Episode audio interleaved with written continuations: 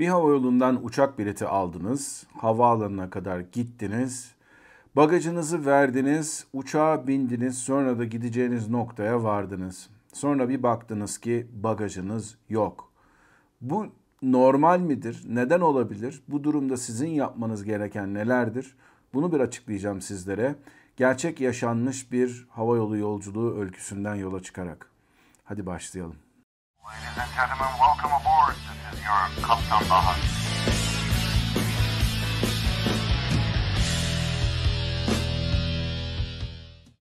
Herkese merhabalar arkadaşlar. Ben Kaptan Baha, Bahadır Acuner. Yepyeni bir Kaptan Baha yayınınla sizlerle birlikteyiz. Evet, gerçekten yaşanmış bir hava yolu yolculuğu öyküsü anlatacağım bugün sizlere.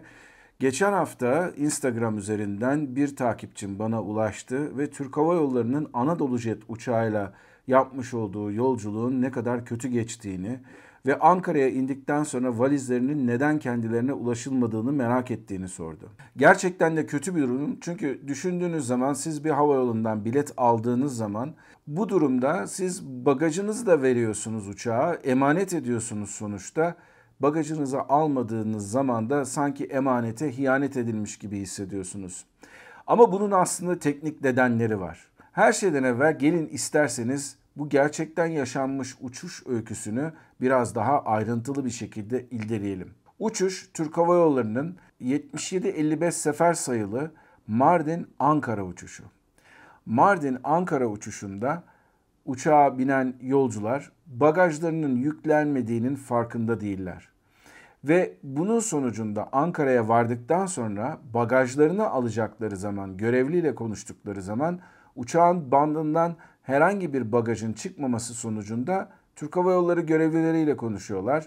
Türk Hava Yolları görevlileri uçağın performans sıkıntıları nedeniyle bagajlarının yüklenmediği ve daha sonradan bagajlarının teslim edileceğini bu kişilere söylüyorlar. Niye bizi alıyorsunuz? Niye bizi alıyorsunuz? Bıraksaydınız orada.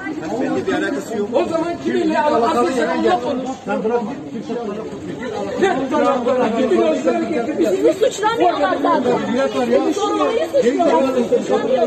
Git sorumlu gelsin.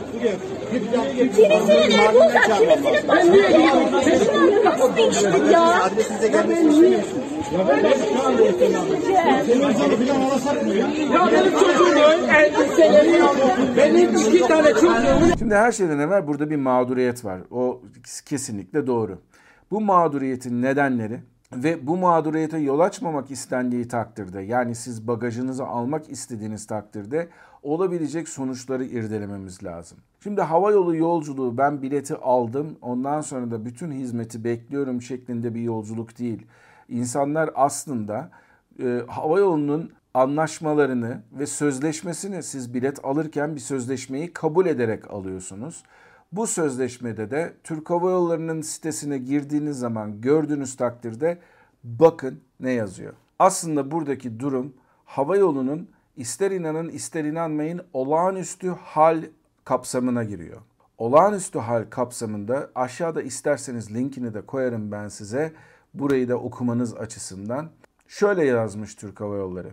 Acil durum olarak ifade edilen olağanüstü hal salgın hastalıklar gibi toplumu etkileyen negatif olaylar ve bakın burası çok önemli.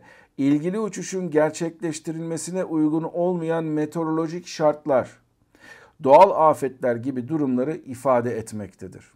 Doğal afeti anlayabilirsiniz. İşte ne yazık ki Şubat ayında yaşadığımız olan deprem olayı var. Bunun dışında olağanüstü hal nedir?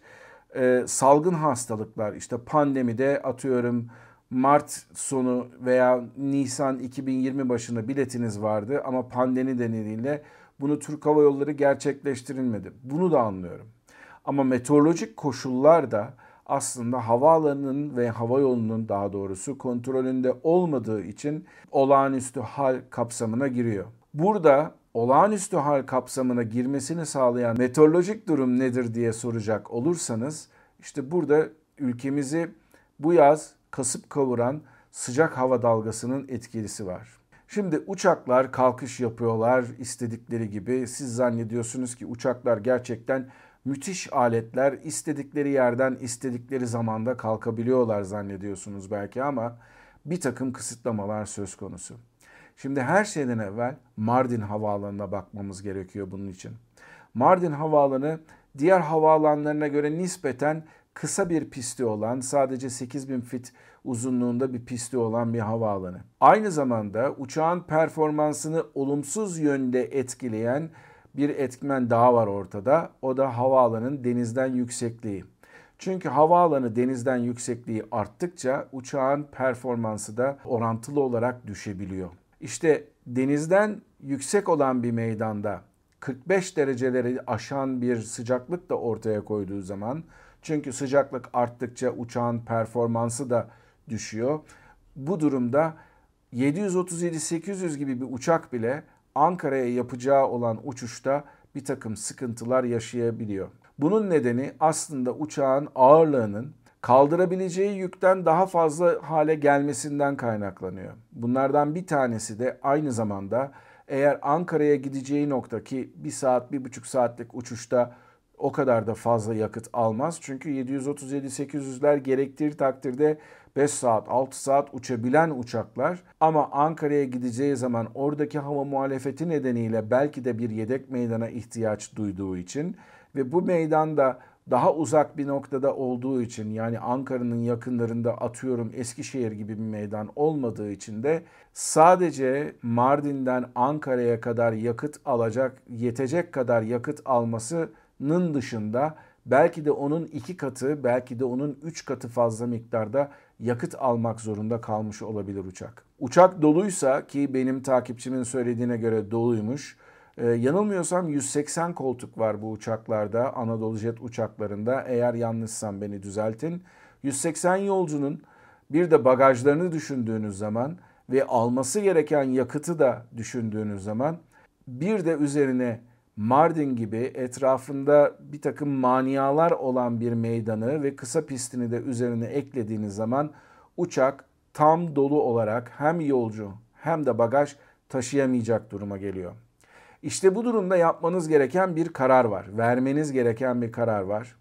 Burada da yapmanız gereken bir tane karar, bir seçenek yolcuların bir kısmını bagajlarıyla beraber uçurmamak. Atıyorum Mardin'den karayoluyla başka bir meydana götürmek ve ondan sonra o insanları daha uygun olan bir meydandan uçurmak. Bu durumda seçeneklerden diğeri de yolcuların bagajlarını belki başka bir yere giden uçakla daha performansı iyi olan bir uçakla veya ısının düşeceği akşam saatlerine denk gelen bir uçakla teslim etmek Ankara'ya mümkün olabilir.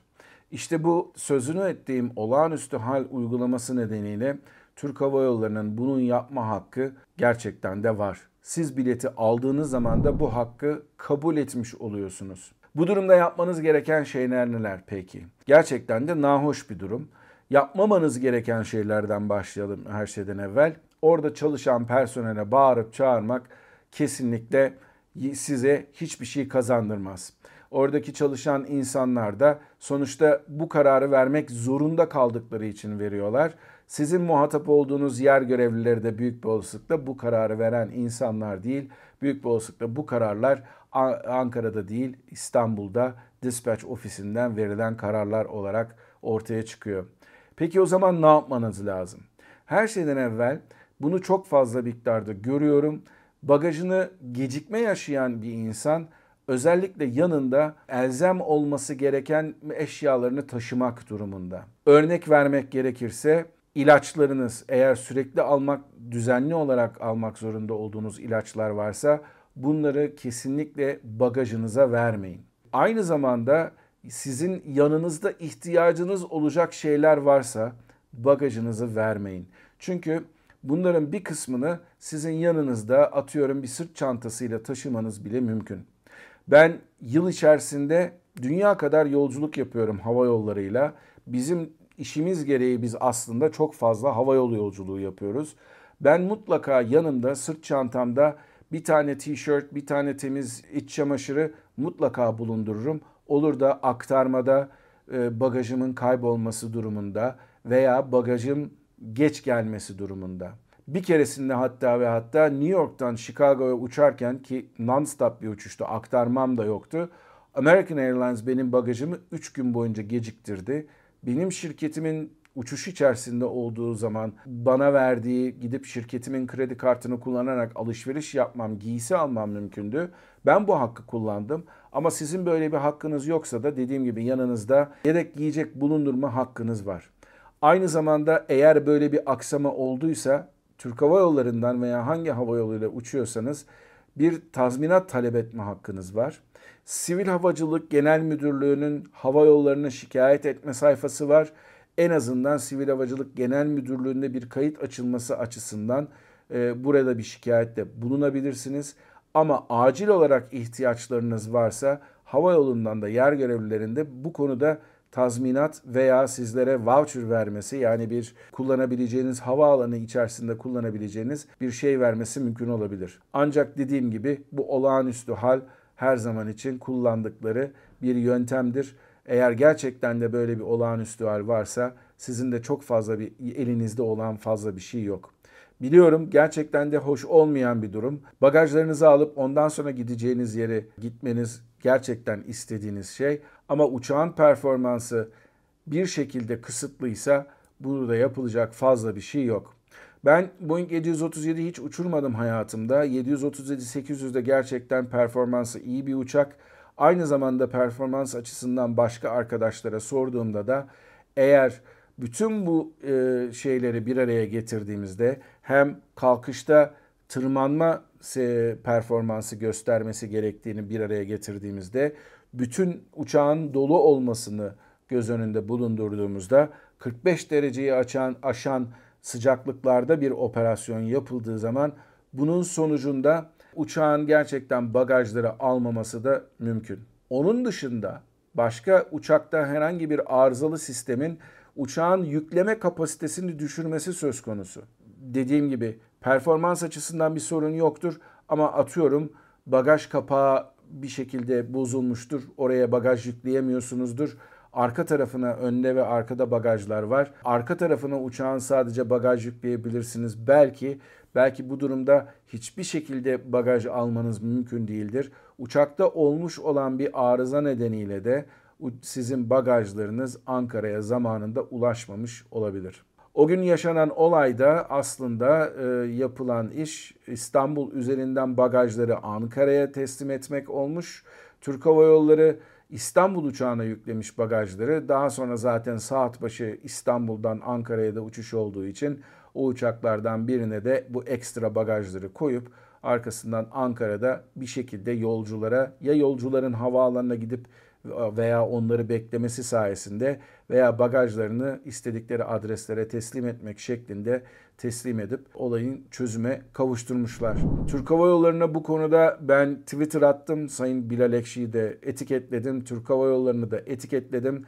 Türk Hava Yolları e, Helpdesk bana yardımcı olacakları konusunda geri dönüş yaptılar ama daha sonradan herhangi bir bilgi vermediler.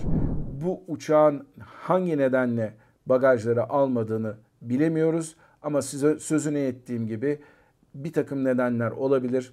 Yüksek sıcaklıklar nedeniyle de bu yolcular bir anlamda mağdur edilmiş olabilirler. Bundan sonra bu şeyleri yaşadığınız takdirde dediğim gibi özellikle ilaçlarınızı, e, önemli olan şeyleri, işte evinizin anahtarını, arabanızın anahtarını bagaja sakın vermeyin. Önemli olan şeyleri yanınızda taşıyın.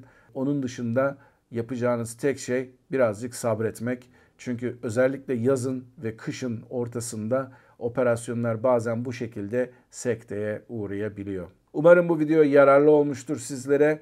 Bundan sonraki uçuşlarınızda, bundan sonraki yolculuklarınızda sorunsuz yolculuklar diliyorum. Bu videoyu beğendiyseniz beğen tuşuna basmayı unutmayın. Bu arada kanalımıza üye olan bütün destekçilerimize de buradan birer birer teşekkür ediyorum. Bambaşka Kaptan Baha videolarında görüşmek üzere. Kendinize iyi bakın, mutlu kalın ama her şeyden önemlisi sağlıklı kalın. Hoşçakalın.